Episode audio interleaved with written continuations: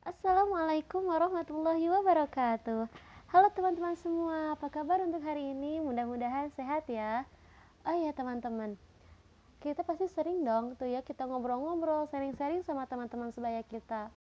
Pasti tuh ya, di antara kita ada yang bilang ini Gak ada akhlak ya mang atau saking ya sambil bercanda-bercanda gitu ngomong-ngomong tentang akhlak ya. Apalagi zaman zaman sekarang tuh ngomongnya gak ada akhlak gak ada akhlak kayak gitulah ya nah teman-teman tahu nggak nih ya berbicara tentang akhlak ini mengingatkan kita kepada ulama-ulama terdahulu seperti Al Imam Al Ghazali dalam kitab Ihya Ulumuddinnya maupun Ibnu Qayyim dan Ibnu Tamiyah ternyata nih ya teman-teman para ulama-ulama ter terdahulu tidak mendefinisikan akhlak itu bagaimana melainkan para ulama-ulama terdahulu itu lebih ke memberikan contoh-contoh ketauladan dari akhlak tersebut.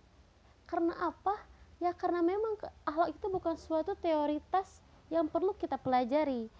Karena seperti baga- seperti yang kita ketahui pada zaman sekarang, mempelajari akhlak itu sangat sulit.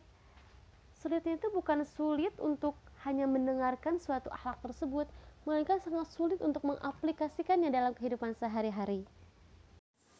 Tanpa berpikir panjang, kita sebagai seorang muslim pasti tahu dong siapa sih suri tauladan terbaik untuk kita teladani? Ya, jawabannya yaitu Rasulullah Shallallahu Alaihi Wasallam. Beliau merupakan suri tauladan yang sangat baik untuk kita teladani.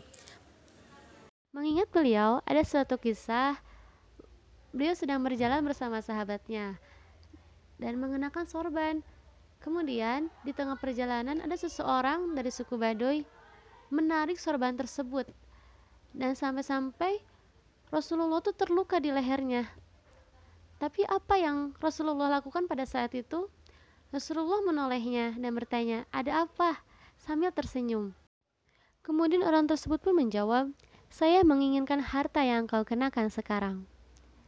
Lalu Rasulullah pun tersenyum dan memberikan sorban yang ia sukainya kepada orang tersebut dengan senang hati dan tanpa mengingat luka di leher yang telah diperbuat olehnya. Nah, dari kisah tersebut, kita dapat mengambil pelajarannya ya teman-teman, bahwa kita diajarkan untuk selalu memberi walaupun tidak dalam bentuk materi.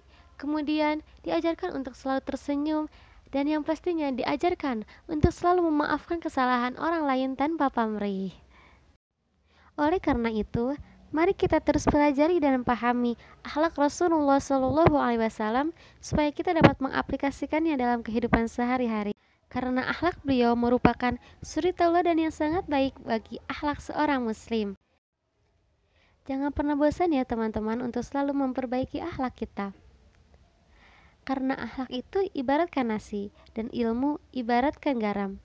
Ketika kita makan nasi tanpa garam itu sah-sah saja, tapi ketika kita makan garam tanpa nasi itu menjadi pertanyaan. Orang yang berilmu belum tentu berakhlak, tapi orang yang berakhlak pasti berilmu. Terima kasih. Wassalamualaikum warahmatullahi wabarakatuh.